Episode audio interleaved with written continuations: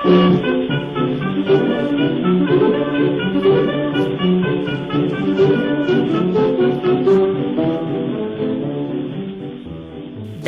bij Almelo 4045 op AVEM. Een serie uitzendingen over Almelo in de Tweede Wereldoorlog. Vanavond de laatste over de bevrijding van Almelo met amateurhistoricus Koen Cornelissen. En met oud-docent geschiedenis aan het Erasmus Hans Krol over de impact die de oorlog op Europa heeft gehad en nog heeft. Cornelissen verdiepte zich tientallen jaren in de oorlog. Hij sprak vele getuigen in binnen- en buitenland, reisde af naar vele archieven om de feiten te achterhalen.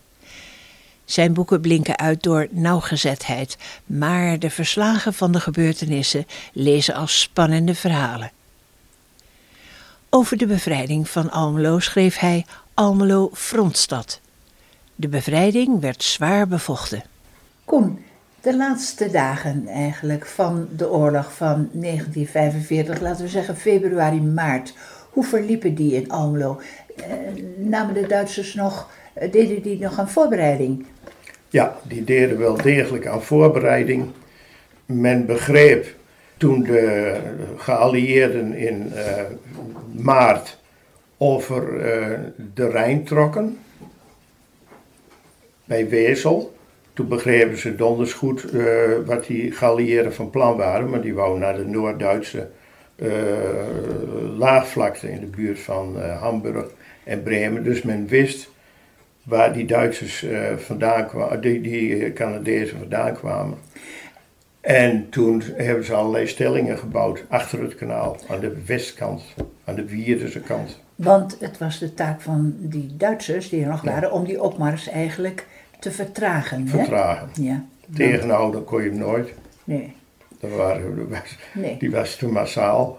Want, want die opmars was eigenlijk niet zozeer alleen gericht op, op het bevrijden van Nederland, maar ook het noorden van Duitsland. Ja. Grote ham, uh, havensteden, Hamburg en uh, Bremen. Ja, Bremen, ja. Nou, uh, dat is ook redelijk gelukt, want als ik zo dat boek van jouw Frontstad lees, mm -hmm. dan is hier behoorlijk gevochten. Ja. ja. Maar dat komt omdat het Twentekanaal, dat, dat liep in die dagen waar je nu de brug hebt. De brug van Almelo naar Wierden, de grote witte brug, die is pas in 1950 gebouwd. Tot die tijd hield het kanaal daar op en hadden de Duitsers overal veldversterkingen en panzervuisten. En er stonden bomen, die stonden klaar om gesprongen te worden en dat is ook gebeurd. Panzervuisten, dat was behoorlijk uh, ja, de zware watertuig, watertuig hè? Op, hè? Ja, ja, een tank. Ja. En dat waren nogal kolossen, hè? Ja. ja. ja, ja. En, en uh, hoe, hoe verliep eigenlijk uh, die strijd? Laten we eens beginnen eind maart, 1 april. 1 april, nou dan zie je, dan wordt, ze komen dan van Lichtenvoorde af, de geallieerden. Er wordt Haaksbergen bevrijd, dezelfde dag Enschede. 2 april Oldenzaal maakt al contact met bevrijders. 3 april Hengelo, Delden vooral. En vanaf Delden zijn ze daar het kanaal over gegaan, die Canadezen. Dus ja, ze hadden ze aan de oostkant van het kanaal. En die zijn de hele dinges gevolgd richting Almelo, Wieren. En daar liep het vast. Daar liep het vast, Daar ja. liep het vast. Ja. In de stad is ook En dan zit je op 4 april. 4 april wordt Almelo bevrijd. In, Maar in twee dagen. stad nog? Nee, nee, Nee. nee. Hm. Ongeveer tot het Overijsselskanaal, zeg maar de Friese brug. Tot zo lang en dan de volgende dag gaan groepen Canadezen al verder door Duitsland weer in.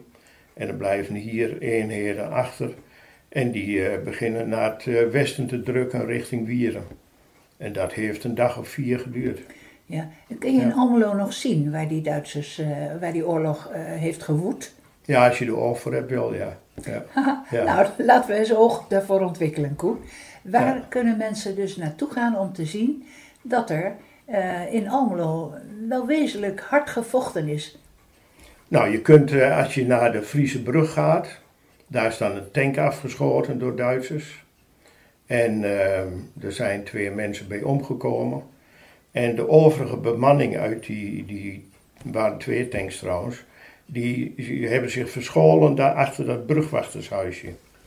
Staat nu prachtig in bloei met tulpen. Ja, een prachtig plekje, ja. Maar die hebben daar de hele nacht gezeten en die werden steeds beschoten voor Duitsers die verderop zaten bij de Friesveense weg aan de overkant van het kanaal. En dat kun je nou nog zien. Elke keer als ik er langs rijd, dan, dan zie ik dat nog. Ja. Ja, ja. ja. En waar vielen meer slachtoffers, niet alleen uh, soldaten. Ja, ook burgers, hè? Ja. ja. ja. Mm, kan je er een paar noemen? Nou, meisje van Perenboom, dat is meteen op 4 uh, eh, april omgekomen. Ook door een verdwaalde kogel. Broer uh, Dirking, een hele bekende voetballer van Heracles. Die stond ook om het huis ergens te kijken en die werd ook uh, doodgeschoten. Nee, nee, kogel, hm. ja. Hm. ja. Dus zoek maar uit door wie het gebeurd is. Dat heb je als je in het frontgebied zit. In het frontgebied, ja. ja, ja. En met de bevrijding op 4 april, mevrouw de Graaf op de hoef van de tuin staat en nog mevrouw van Dijk die gewond raakte en uh, die later gestorven is. De ja. tuinstraat is er nog? Die is er nog? Die is er nog. Dat kleine straatje? Ja. ja. Er zijn nog zelfs een paar huisjes. Ja, ja zoals dat spiegelhuis staat er nog. Ja, staat er nog, ja. Ja, um, dat was in Almelo. Dus ja, Almelo uh, was gewoon niet veilig om te zijn uh, in, in uh, 4 april. Nee, maar het was de laatste dagen, de laatste weken al niet veilig. Er werd voortdurend gebombardeerd. Die geallieerden rukten op. En dus de vliegvelden rukten ook op. Die zaten vlakbij. En van daaruit stegen jagers op en die beschoten elke Duitse uh, wagen die er reed. En die beschoten uh, treinen enzovoort. Ja. Het was hartstikke gevaarlijk. Duitsers trokken terug, maar probeerden dus uh, die opmars te vertragen. Te traineren, ja. Ja, en op een gegeven moment 4 april Almelo bevrijd. Een Twee deel, dagen, ja. een deel, ja. Ja. Maar daarna? Krijg je een heel raar schemergebied. Ik ben er toevallig van de week geweest. Ik, ik had een heel mooi dagboek gevonden van iemand die dat stuk strijd be, be, uh, beschrijft. Waar vind je die dingen? Ja, in mijn eigen archief. maar ik had het zo weggeborgen, maar nu vond ik het terug. Ja, ja verdorie. Nou, en, um, en dan heb je, dan zijn de geallieerden die zijn in de Egbert Katelaan. Kun je het voorstellen? Ja, Op dat punt ja. blijven ze staan. Er staat een tank en in de Appelstraat staat een tank. Allemaal met de lopen richting Wieren, want vandaar kwam het gevaar. En dan eh, blijkt op het kerkhof, dus dat is hetzelfde punt, daar achter het eh, park, daar zitten nog allemaal Duitsers. En achter die huizen zitten allemaal Duitsers, langs de Wierense straat. En dat heeft ook wel een paar dagen geduurd, dat ging op en neer. De Canadezen begonnen die Duitsers te beschieten vanaf de Willem de Klerkschool. Hadden ze mortieren staan, die gaan met een boogje. Hè, dus kun je over gebouwen heen schieten. En, uh, en s'nachts kwamen de moffen weer terug door de Wierense straat en probeerden ze een tegenaanval te doen. Ze zijn zelfs nog op het stationsplein geweest. Er was een hele grote munitieopslagplaats in uh, Hotel, uh, heet dat? Nationaal geloof ik. En die hebben ze nog opgeblazen, terwijl de stad daar eigenlijk al bevrijd was. Hm. Gebeurde allemaal in de nacht van 4 op 5 april. En dan krijg je op 5 april dan uh, wordt het noorden van Almelo bevrijd en ondertussen gaat er al een deel die gaat richting Wieren. Nou, die stuit er op een hevige weerstand. Ook hevige weerstand in Weer- Wieren, ja. ja. Dus ontzettend veel uh, boerderijen zijn er met de grond gelijk gemaakt. Hm. Als die, uh, ook daar was ik ook toevallig van de week, bij uh, Hinseveld in de, ehm, hoe heet dat, Bellinghof Dwarsweg, boerderij. Die zit nog helemaal vol kogelgaten als je dat ziet. Dien Hammink, 90 jaar, woont nu in Huizen Frieso. Tijdens de oorlog bij het Twentekanaal en daardoor in die laatste dagen in de vuurlinie. Hoe was het met, met de bevrijding? Hoe ging het toen? Nou, ook niet zo leuk. Nee? Nee, want we, we uh, werden bevrijd. Of we zouden worden bevrijd. We hadden Duitsers op de deel liggen. En dan moesten we weg. Duitsers op terf. Op terf, op de deel. En dan met een tussenslotje in het voorhuis, daar woonden wij. Ja, je wist niet anders. En toen, uh, ze gaven zich direct over van die zeven, acht Duitsers, die konden toch niks. We geven ons direct over, maar ga even weg. stel je voor als er wat is, dan zijn jullie veilig. Dus wij zijn toen schuin een eindje het land doorgelopen naar de buren. Kijk, en toen, uh, toen kwamen, kwamen er allemaal de Duitsers van de achterkant.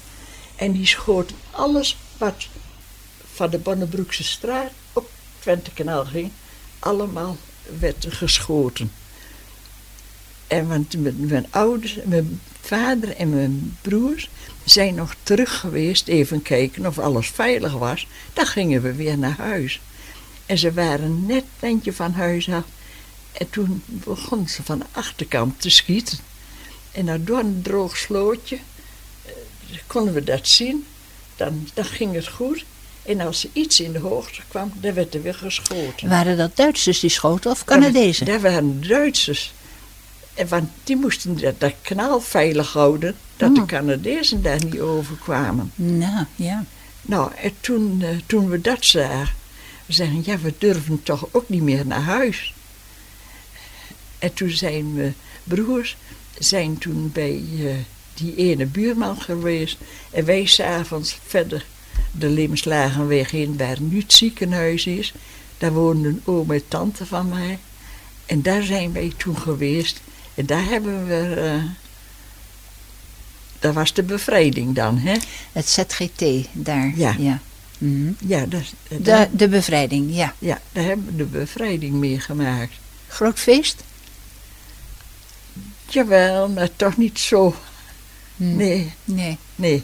Toch niet van harte. Toch niet van harte, hè? Hmm. Maar je waren blij dat de bevrijding er was. Hè, want uh, ja, dat dat dan afgelopen was. Maar toen werd, werd er zo gevochten nog van achter knalde Duitsers, dat we allemaal nog verder weg moesten. En toen zijn we met drie gezinnen eh, richting Nijrees gedaan. En hebben we daar in Nijreesbos, eh, was, woonde ook nog familie. En daar hebben we de, verder meegemaakt dan. Mm En wij gingen over de Bonnebroekseweg, straat dan, met de wagen met een beetje beddengoed erop. En nog een paar koeien aan het touw. En de Canadezen die sjeerden langs de Almelo in. Hmm. En wij waren nog echt in oorlogsgebied. En daar zijn we van woensdag tot de week daarop, op maandag, zijn we daar geweest. Want er werd allemaal gevochten. Iedereen wie de, de, richting de brug, het Twentekanaal, werd geschoten. En dat was ook zo triest. was een Amsterdammer, die was al uit de trein gesprongen. En die kwam bij ons een paar dagen in de week een beetje werk doen, vrije tijd eten en zo. En die wou toch nog naar de familie Hinsveld dank zeggen. En ze hadden hem gewaarschuwd. En toen we eraan kwamen, hadden ze Beb doodgeschoten. Ach. Nou, dat was zo erg. Ja. Ja, dan, dan is zo'n bevrijding mooi, maar toch met een heel zwart randje. ja.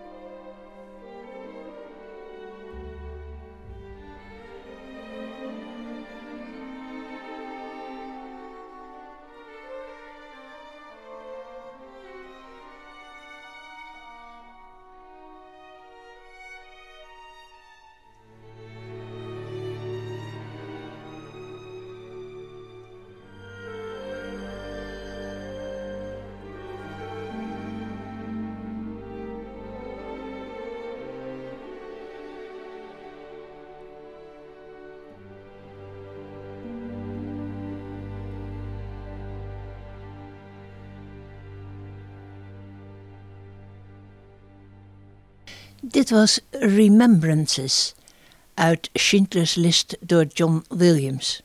U luistert naar AVM, naar Almelo 4045, een serie uitzendingen over de Tweede Wereldoorlog in Almelo en omstreken. Wat gebeurde er toen de Duitsers weggetrokken waren? Koen Cornelissen vertelt. Toen ze definitief weg waren, die Duitsers, toen had je uh, toch een, een soort uh, vacuüm eigenlijk in de macht, hè? In, in, in, in het gezag. Ja, je ziet dan dat uh, de BS, die komt tevoorschijn. Binnenlandse strijdkrachten. Binnenlandse strijdkrachten. Ja, die waren al van tevoren min of meer georganiseerd. Ge geronseld, ja, ja, ja oké. Okay. Ja, het waren niet echt, het waren niet echt verzetsmensen, de meesten. Nee. Maar dat is in 1944 heeft het, het, echte verzet heeft verzoek gekregen van kijk eens om je heen of je tien per persoon tien goede mensen zou weten die Nederlands gezind zijn, die in ieder geval niet fout zijn geweest in de oorlog, die ons kunnen, kunnen helpen het gezag te herstellen. En dat is de BS geweest. Grote pummels vaak bij, maar ook hele goede jongens hoor. Ja. ja, ja. Maar die BS die, die handhaafde dus het gezag in die eerste dagen eigenlijk. Het militair gezag deed dat en daar werd de BS voor gebruikt. Ja. ja. En, eh, maar hoe, hoe reageerde de bevolking op een gegeven moment? Ja, die vond alles goed. Die waren blij dat die Duitsers weg zijn. Grote ja. vreugde.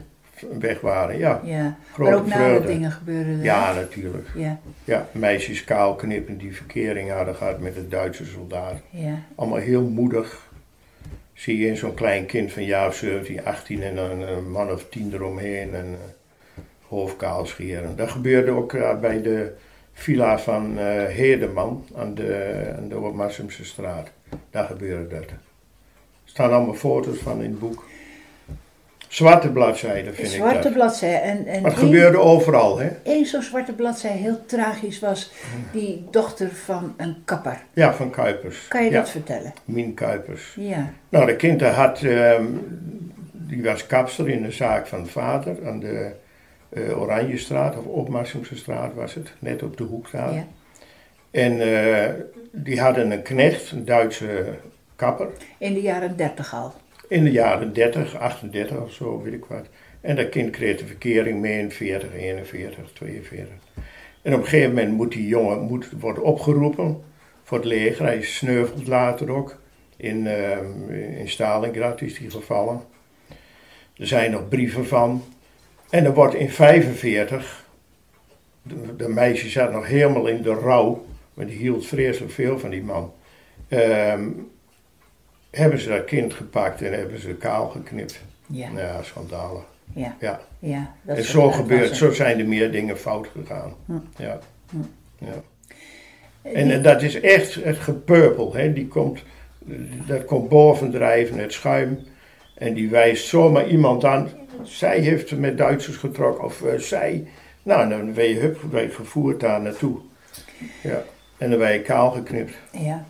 Er waren natuurlijk ook um, de feesten, hè? want die Canadezen, dat waren de jongens, hè? die hadden Ja. sigaretten, chocola en Ja. wat hadden ze nog meer niet. Hè? Die hebben gouden tijd gehad hier. ja, niet alleen wat dat betreft, Ja, maar ook wat die de, kwamen de dames tekort. betreft. Ja. Maar goed, er waren heel veel feesten. Hè? En ehm, ja, die jongens waren niet welkom, maar de meisjes wel. Hè? Ja. Ja, in Ja. eerste instantie. Zo wordt dat. Ja. Ja. Ja. Ja. Vanuit Canadese oogpunt gezien. Dat merkte ook de nu 90-jarige Ellie Zelen. Feest alom in mei 1945 en de Canadese jongens waren favoriet. Er was, er was een en al feest. Overal. Allemaal, allemaal buurtfeesten. eh, hele grote feesten. Toen begonnen al die, al die vrouwen of al die meisjes. Gewoon heel veel met de Canadezen. Ja, dat is bekend, ja. En eh, Willem Zomer, dat noem ik wat naam. Dus Ja, nee. Willem Zomer, den, eh, die had verkering met, met eh Trees. Nee, met. Kay. Ik wil net zeggen, heet geen Trees, heet Kay. Maar Kay ging met een Canadees. En Willem, die, stond er op het podium, waar iedereen zong. En hij zong twee ogen zo blauw, zo innig en trouw. Terwijl zijn vriendin niet zo heel trouw was. Nee, was ook niet, maar dat was ook om Kay te pesten. Willem had toes. Ja. Maar Kay had, nee, Kee had een Canadees. Is het er ook bijgebleven na de oorlog? Wie gek is me later met Willem trouwd. Drees heeft een Canadees. Oh, wat is de meisje in de sas? Drees heeft een Canadees. Samen in de jeep en dan voor gas. Alfred zei dat Engels lang niet mis is. Wil ze dolgraag weten wat de kist is. Drees heeft een Canadees. Oh, wat is de meisje in de stad? Drees heeft een Canadees. Oh, wat is de meisje in de stad? Drees heeft een Canadees. Samen in de jeep en dan voor gas. Alfred zei dat Engels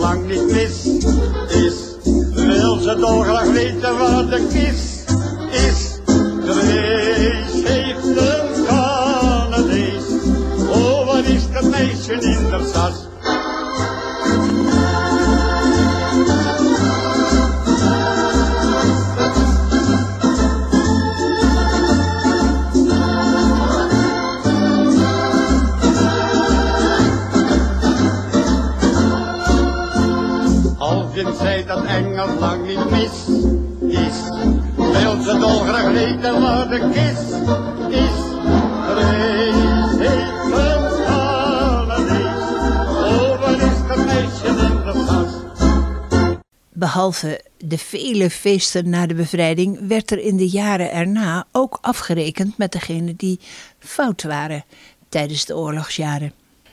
Ja, dat ging via eh, tribunalen, hè. Ja, tribunalen.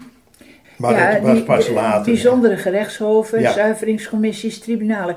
Wie kwamen voor die tribunalen? De lichte gevallen. Gewoon Een mensen die lid kruideniertje die lid was geweest van de NSB. En, maar dat begon pas in 46 hoor. Ja. Niet meteen Nee, na de bevrijding. meteen. Nee, nee, nee. nee, nee. Maar ja, En de zware gevallen werden opgepakt. Die gingen naar kampen. Overal in het land.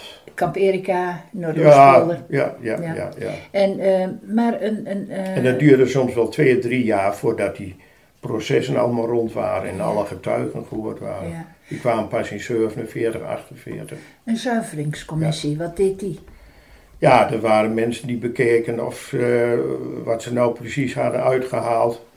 Dat was meestal een, een advocaat zat erbij en een, eh, iemand van de rechtbank. En ook leken, de rechters leken.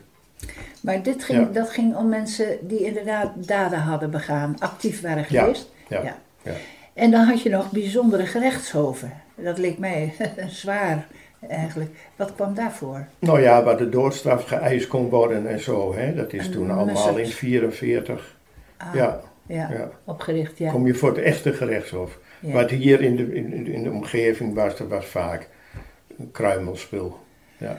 Toch zijn bepaalde NSB'ers Ja, ja. eh, hier ook, ook berecht. Ja, oh veel. Ja, ja, ja.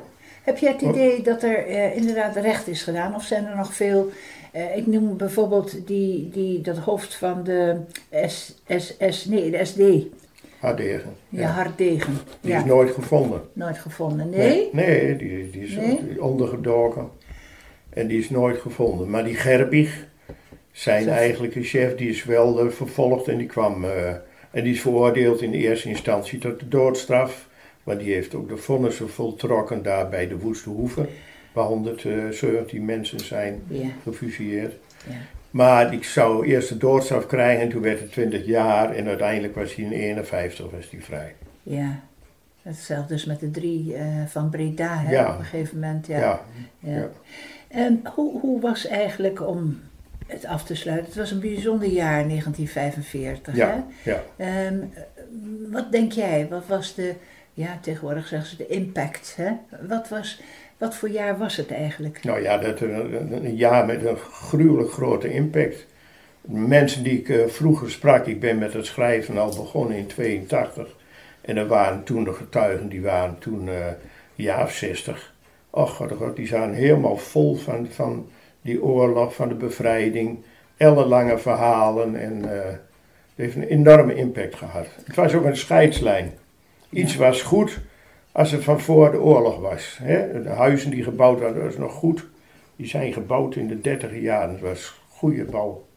Hè? En fiets ook, dus nog, dat kwamen mijn ouders nog zeggen, nee, dat is een gezellig nog van voor de oorlog. Later werd het allemaal wat minder. De bouw werd minder. eh, eh, fietsen, radio's, er was van alles te krijgen. Maar het was lang niet de kwaliteit wat je voor de oorlog had. En eh, qua, ehm, ja, hoe zou je het zeggen, sfeer. Ehm, eh, zoals nu eh, heb je dus de corona en Ja. eh, alles is weer open en hoera! En het, ja, Mhm.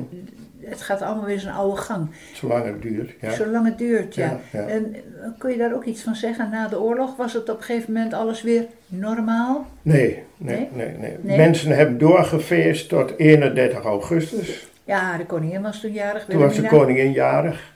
Nou, toen hadden ze echt allemaal de pijp leeg. Toen hebben ze alles opgeruimd. Elke buurt had een eigen feestcommissie, vereniging, een oranje vereniging met, met grote erebogen, foto's erop en weet ik wat allemaal. En toen hebben ze het zaakje opgeruimd en toen ging het weer over tot de orde van de dag. Maar die orde van die dag die was heel anders geworden. Er moest keihard gewerkt worden. Het land, het land lag in puin. Ik geloof in Almelo meer dan duizend panden in puin. Dat moest allemaal opge- opgebouwd worden weer. Mensen woonden tijdelijk bij elkaar in. Tot, tot in 1950 wel. Er werden heel veel huwelijken gesloten, dus Ja. de woningnood moet En erg ook hoog geweest zijn. Ja, ja. Ja. En er, eh, eh, dat heeft wel geduurd tot 1950, dat alles nog op de bom was. Ja. Zelfs ik, ik ben van 46, ik heb nog een, een stamkaart uit die tijd. Ja. Ja. Ja. Ja, hoe lang de invloed van zo'n oorlog eigenlijk is eigenlijk, hè? Want De- nu hebben wij nog, het erover. dat gaat Nog. altijd door. Ja, Dat gaat altijd door. Mensen houden het altijd, ik zie het aan mijn moeder. Die had ehm, altijd een hele grote bak vol met eh, allemaal zeep. Na de oorlog allemaal bewaard. En dan zei wat doe je toch met al dat spul? Hè? Van die sun, Sunlicht. Drie van die harde, sunlight. ja Drie van, die, drie van die harde brokken waren dat. De snee je zo uit je vingers van. Ja, kind, maar dat is zo erg. We hebben dat meegemaakt dat je je niet wassen kunt, dat er geen zeep is. Dus vanaf die tijd heeft ze dat altijd gehad. Als- En ook kaarsen. Kaarsen, zegt ze, daar heb je licht van. En eh, dan kun je nog een potje iets warm maken en weet ik wat. Mhm, En dat hebben al die mensen gedaan. Mijn vader bewaarde alle oude fietsbanden. Zo'n bos hing er in de schuur. Nou, dat, dat verteert helemaal. Er blijft geen bal van over. Maar dat is allemaal gevolg van die oorlog. Mijn moeder zei, als je een hapje liet liggen op bord, raapjes bijvoorbeeld, Ja. koolraapjes. In de oorlog zou je eraan gesnakt hebben. Ja, ja. Nou ja, dat, werd ook, dat hoorde je ook steeds. Ja. Als je iets niet lust. Ja. Lustte, ja. Ja. Had jij die tijd willen leven, Koen? ja. Waarom? Nou ja, nou eigenlijk niet, want dan was ik nou een stuk ouder geweest. Maar eh, nou, het avonturen, dat- ik ben nieuwsgierig. Ik mag graag zien wat er gebeurt. Ik ben een geschiedenisman en dat lijkt me vreselijk interessant. Blijft het interessant? Of zeg Voor je ook wel eens ja. van, ja. Ja. nou, nou, want eh, toch behoorlijk veel ellende, hè? Als ik aan de jodenvervolging denk en al die, Ja. eh, hè? ja, maar je kunt er ook van leren. Ja. Het is maar eh, hoe je het bekijkt en wat voor boeken je leest. En ik leer elke dag weer. Ja. Je hebt hele prima mensen gehad. Ook absoluut uitschot, maar ook hele goede mensen. Als ik zie de jodenvervolging, als ik dan zie wat, wat, eh, wat dat de slachtoffers heeft gekost in Almelo, dat is aanmerkelijk minder dan in de rest van het land. Hier, hier werden joden eh, wel, zeg maar, eh Ja. huisvest, ja. Ja, Ja. nou ja, geholpen, onderduiken. geholpen, ja, Net als in onderduiken. Enschede. Hè? Ja. Koen, 40 jaar onderzoek naar de Tweede Wereldoorlog. Reizen naar Duitsland, hier in Nederland, naar de NIOD en eh, waar niet al meer. Eh, heb je er ooit genoeg van? Oh, nou heel eerlijk ben, ik, ik schrijf niet meer. Ik heb tien boeken eh, gemaakt en dat is meer dan genoeg. Nou doet een ander het maar en dan koop ik ze wel. Maar eh, ik ben wel steeds met onderzoeken nog bezig. Ja. Er is, Ik- er is iemand nu bezig, Frank Kraken, met een boek over de bankenoverval. Dus alles wat ik daarvan weet dat gaat zijn richting uit en eh, dan help je elkaar. Hè? Mhm. Zo gaat het. Ik noem toch even die eh, tien boeken hoor. Het zijn eh, allemaal ehm, eh, enorme feitenrelazen, maar Ja. gemengd met spannende verhalen. Want het Ja. zijn ook verhalen van ooggetuigen. Hè? Ja. Het zijn, eh, en als je het leest, en nou spreek ik dus voor mezelf, dan komt die tijd helemaal weer tot Ja. leven. Ja. Hoe gruwelijk ook, maar ook hoe mooi soms ook. Ja. Ja. En belangrijk dat En je het vastlegt. En belangrijk dat je het vastlegt, ja. Ik ben blij dat ik het heb kunnen doen. ja. Ja, Ik ben blij dat je bij ons bent geweest en dat je dat hebt willen doen. ja ook weer een interessante ervaring. Ja.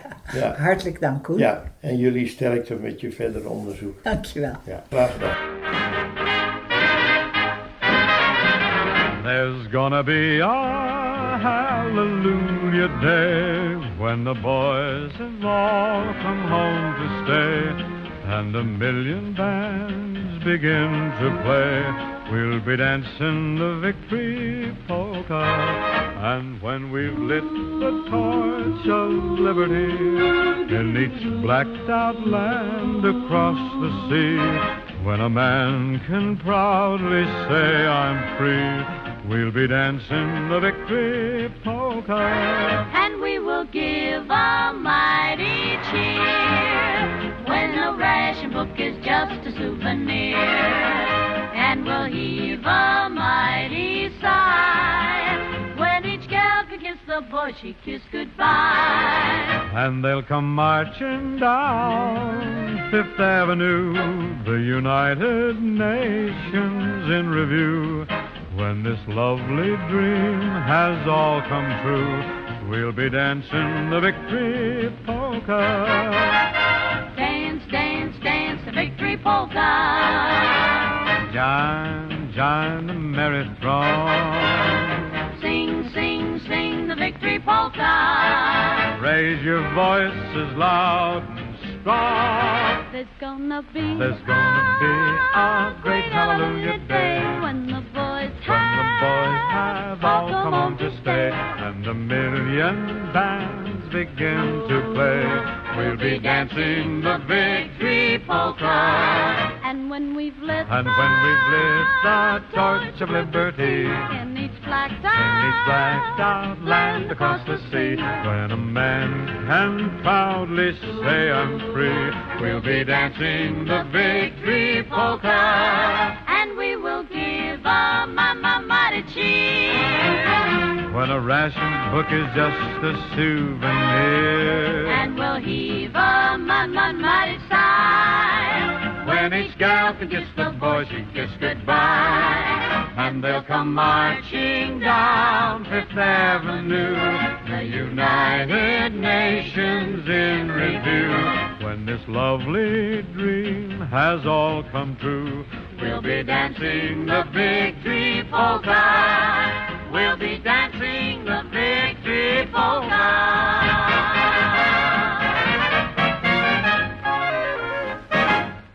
Bing Crosby en the Andrews Sisters met Victory Polka. U luistert naar Almelo 4045, een serie uitzendingen op AVM over de oorlogsjaren in Almelo en omgeving. Vanavond over de bevrijding in 1945 en daarna. En hoe ging het verder? Wat was de impact van de Tweede Wereldoorlog op Europa? Waaraan is het te danken dat er nu al 76 jaar vrede heerste in Europa? Dat vroeg ik aan Hans Krol, oud-docent geschiedenis aan het Erasmus. De Tweede Wereldoorlog eindigde in 1945. Wat is volgens jou nou de impact geweest, hè? De, de invloed van die Tweede Wereldoorlog op Europa? Die was ongelooflijk groot.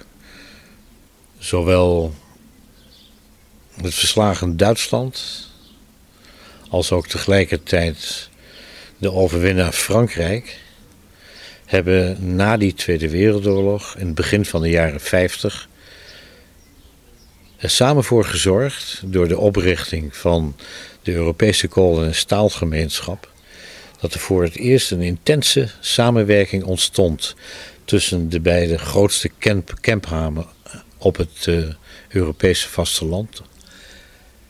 Op zo'n manier dat de basis is gelegd voor eerst de Europese Economische Gemeenschap en nu de Europese Unie.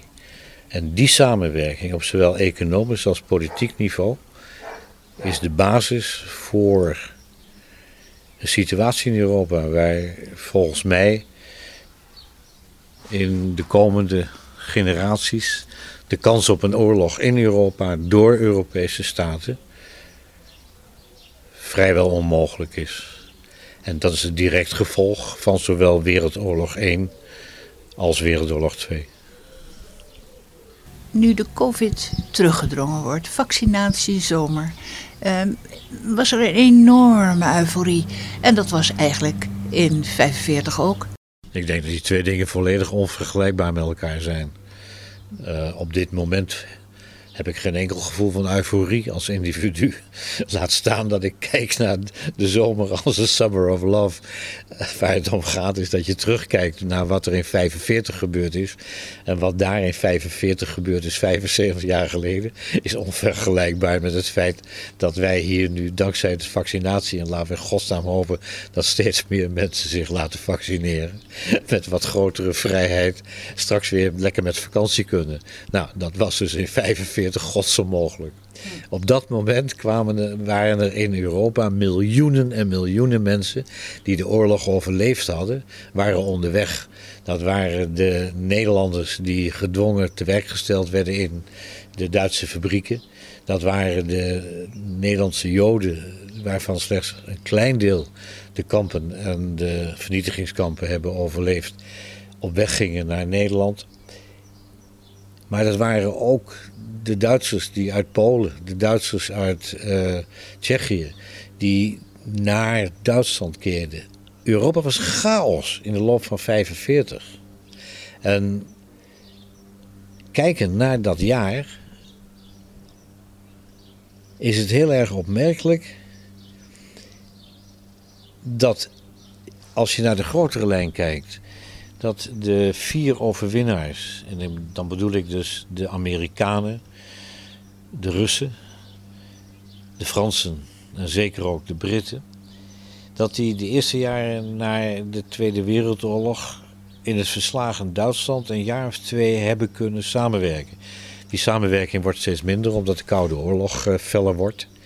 Maar in eerste instantie is in dat verdeelde Duitsland, het is in vier uh, delen verdeeld door de vier bezettingsmachten, is toch geprobeerd om weer opnieuw iets op te bouwen. En dat geldt voornamelijk toch voor het deel West-Duitsland. Dat verdeeld werd tussen de Fransen, de Britten en de Amerikanen. De Amerikanen bijvoorbeeld, die hebben aan de ene kant uh, hun best gedaan en ook druk uitgeoefend om te zorgen dat Duitsland een uh, grondwet kreeg die de basis gaan vormen voor de huidige Bondsrepubliek en de parlementaire democratie, die zo op dit moment echt deel is van de bondschap. Als je mij vraagt, of als je iemand in Nederland vraagt van wat is je beste buur, dan zegt men Duitsland.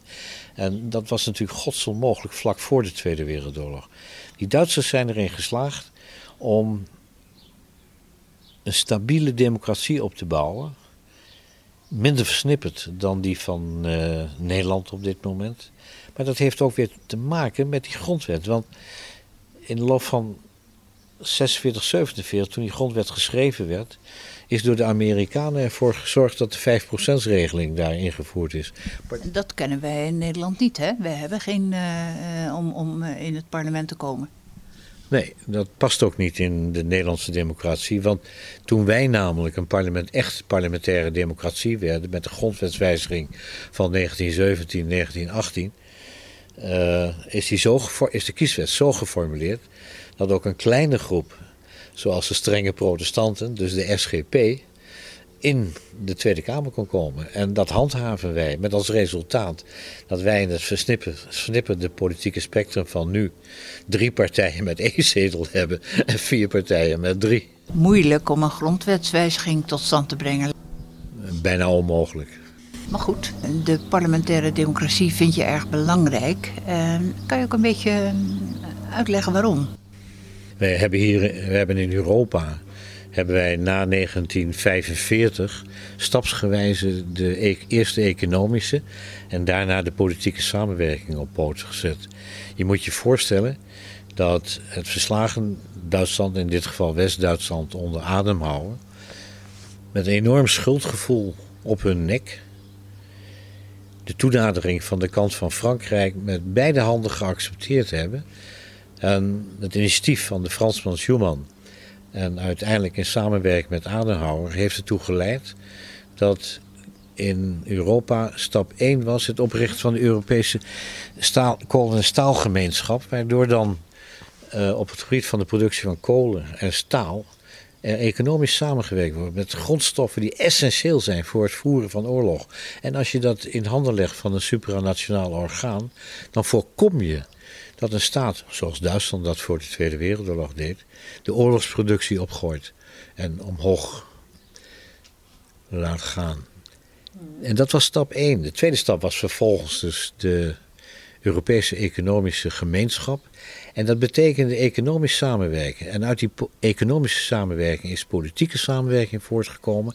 Waardoor dus in Europa op dit moment de intensiteit van de samenwerking tussen die staten die lid zijn van de EU, met alle fricties en conflicten, elke dag, elk jaar opnieuw, er toch een situatie is gecreëerd als direct gevolg van die Eerste en Tweede Wereldoorlog, waarbij dan mijn voorspelling is dat de komende twee generaties een oorlog in Europa tussen Europese staten in mijn inziens onmogelijk is. I'm, I'm sentimental, if you know what I mean. I love the country, but I can't stand the scene. And I'm neither left or right. I'm just staying home tonight, getting lost in that hopeless little screen.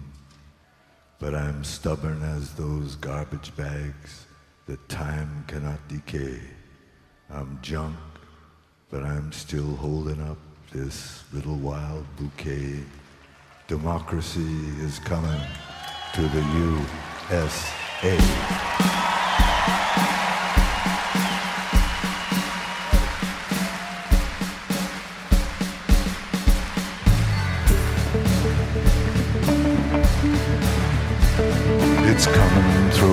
In the air from those nights in Tiananmen Square.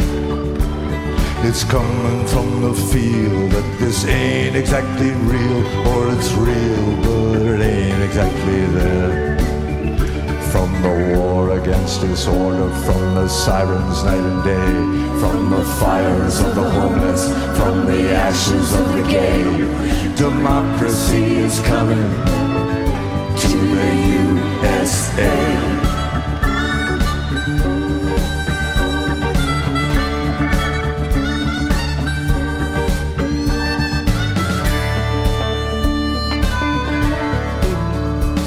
It's coming through a crack in the wall on a visionary flood of alcohol. From the staggering account of the Sermon on the Mount, which I don't pretend to understand at all. It's coming from the silence on the dock of the bay, from the brave, the bold, the battered heart of Chevrolet. Democracy is coming to the USA.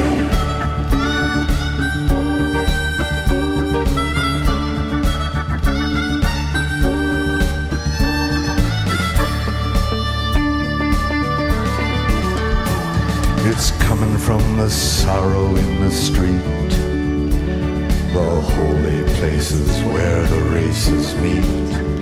From the homicidal bitching that goes down in every kitchen to determine who will serve and who will eat. From the wells of disappointment where the women kneel to pray for the grace of God in the desert here and the desert far away. Democracy is coming to the USA.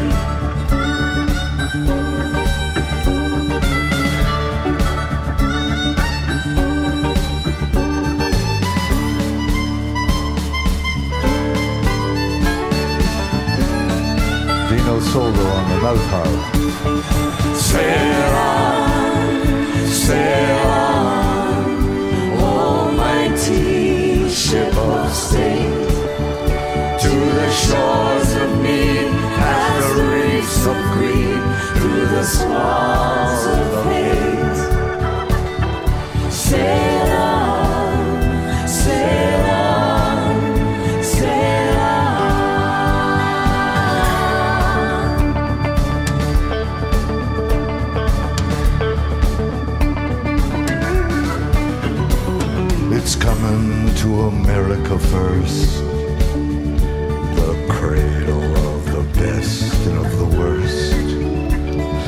Here they've got the reins of machinery for change, and it's here they've got the spiritual thirst.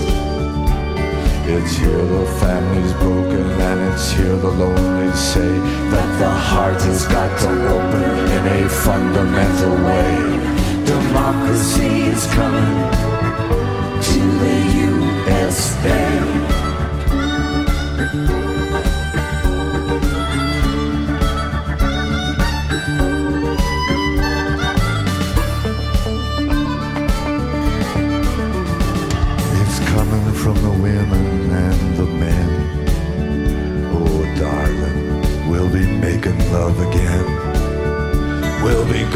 Down so deep the river's gonna weep and the mountain's gonna shout amen. It's coming like the tidal flood beneath the lunar sway, imperial, mysterious, in amorous array. Democracy is coming to the USA.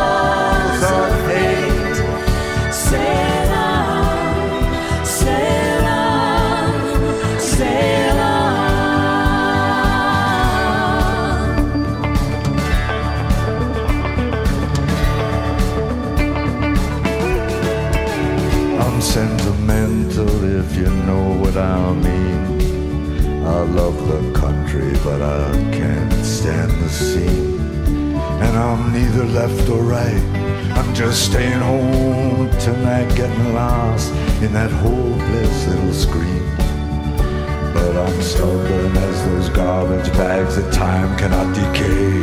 I'm junk, but I'm still holding up this little wild bouquet. Democracy is coming to the USA. To the USA.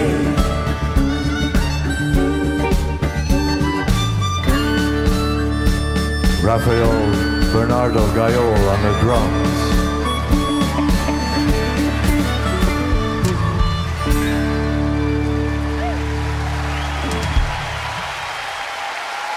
Misschien geen Summer of Love voor Hans Krol, maar toch wel wat flower power.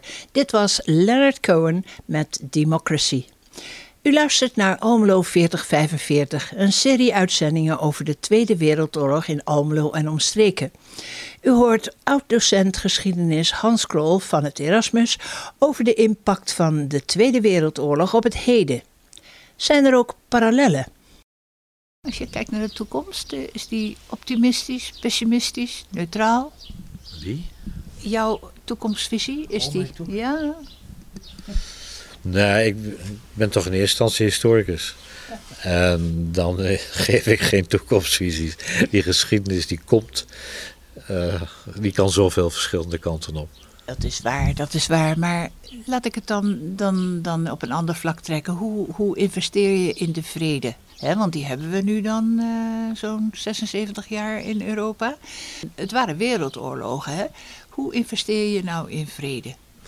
Door te investeren in eh, de Europese Unie En niet te lopen mekkeren dat je eruit wilt. Niet te lopen mekkeren dat je de Nederlandse gulden weer terug wilt.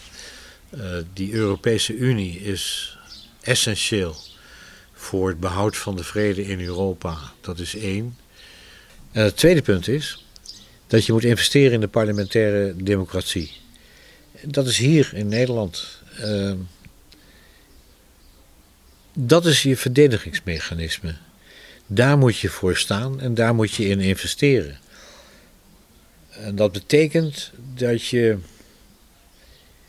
niet alleen moet gaan stemmen voor de Tweede Kamer en voor de provincie en de gemeente, maar je moet ook duidelijk, als daarnaar gevraagd wordt, je uiten over die steun aan die parlementaire democratie, waarbij je dan tegelijkertijd moet beseffen dat aan beide uitersten van het politieke spectrum, zowel links als zeker nu ook rechts, er geknabbeld wordt, gevreten wordt aan, de, aan diezelfde parlementaire democratie.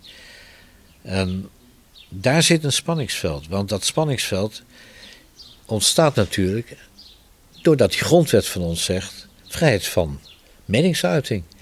En daar moet je voor staan.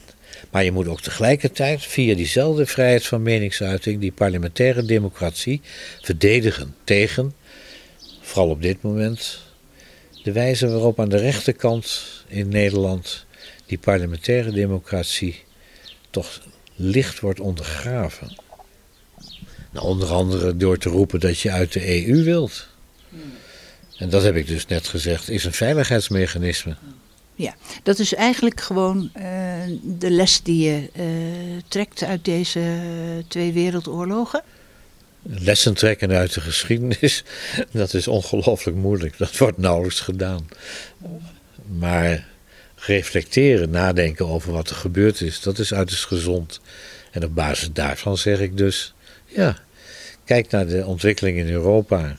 Uh, die leiden tot uh, meer politieke en economische samenwerking. En besef, wat ik net al zei, dat de parlementaire democratie de verdediging is tegen oorlog, tegen conflicten en de basis is van vrede. Wat is de rol van de opvoeding, van het onderwijs hierin? Ja, weet je, op het moment dat er een probleem is, dan is vaak de reactie: gooi het maar over de schutting van het onderwijs. Uh, laat ze er maar lessen aan wijzen, dan komt het wel goed. Uh, dat gebeurt veel en veel te vaak. Wat van mijn visie uit belangrijk is, is dat veel meer leerlingen in het voortgezet onderwijs geschiedenislessen krijgen. Op dit moment is dat een minimaal aantal. Na de derde klas een paar procent. Te weinig. Veel te weinig, ja. Je hebt in het begin van, van het gesprek heb je het gehad over de euforie in die zomer van 1945. Maar die was kortdurend hoor. Wij zijn in Nederland zijn we hard geweest tegen dat kleine aantal Joden wat terugkwam uit de kampen. Die vonden hun huizen leeg, die kregen hun huizen niet terug. Ze werden niet gecompenseerd voor de lonen, de salarissen, de pensioenen die ze niet ontvangen hadden. Er is bijvoorbeeld een hele kleine anekdote. Ik heb gewerkt voor Slager Simon aan de Holtjestraat. Broer en Roos hebben de oorlog overleefd. Broer in, hier in Almelo. En Roos heeft twee, drie vernietigingskampen overleefd. En is uiteindelijk in een uitruil betaald door de Zweden in dat begin van 45 op transport gezet, lopend en deels ook per trein naar Zweden. Ze overleeft het. En dan in 1946 klopt er bij de slagerswinkel aan de Holtjesstraat een vertegenwoordiger van het Rode Kruis aan met een rekening voor de transportkosten naar Zweden. Elk jaar komen wij bijeen hè, op het Dronkelaasplein om het einde van die Tweede Wereldoorlog en iedereen die gesneuveld is, overleden is, te herdenken. Dat Dronkelaasplein leent zich daar geweldig goed voor. En ik zou het ongelooflijk prettig vinden als die functie van dat Dronkenlaarsplein versterkt wordt. Wij hebben hier in Almelo op dit moment een probleem. Dat probleem dat is het oude oorlogsmonument dat door de stad gezworven heeft. Nomademonument. Een stadsnomade is het en was het.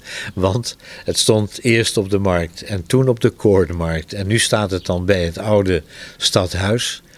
En van gemeentezijde is het idee dat het terug moet naar de markt, omdat het er gestaan heeft. Maar wat ik zei, het heeft op verschillende plekken gestaan. En in mijn visie zou dat oude oorlogsmonument, wat nu bij het oude gemeentehuis staat. Een beetje als verschoppeling, hè? Ja, maar een fantastisch mooie plek kunnen krijgen op het Dronkelaasplein. Zie het voor je. Je staat met de rug naar de ambachtschool, de LTS.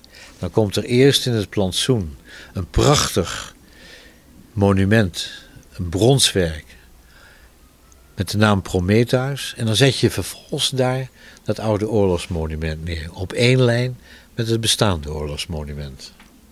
En zo creëer je stapsgewijze een herdenkingsplein. En herdenken is belangrijk, hè? Ja, dat moeten we blijven doen. Want jij vroeg mij naar de toekomst, hoe die eruit zou zien. En daarvan zeg ik, dat weet ik niet. Maar je kunt wel terugkijken en reflecteren. Terugkijken en reflecteren en een herdenkingsplein. Dank aan Hans Krol en Koen Cornelissen. Mijn naam is Jenny van Dorsten en dit was de laatste van een serie uitzendingen over de Tweede Wereldoorlog in Almelo en uiteindelijk ver daarbuiten. Deze uitzendingen zijn te horen als podcast op AFN. Dank voor het luisteren.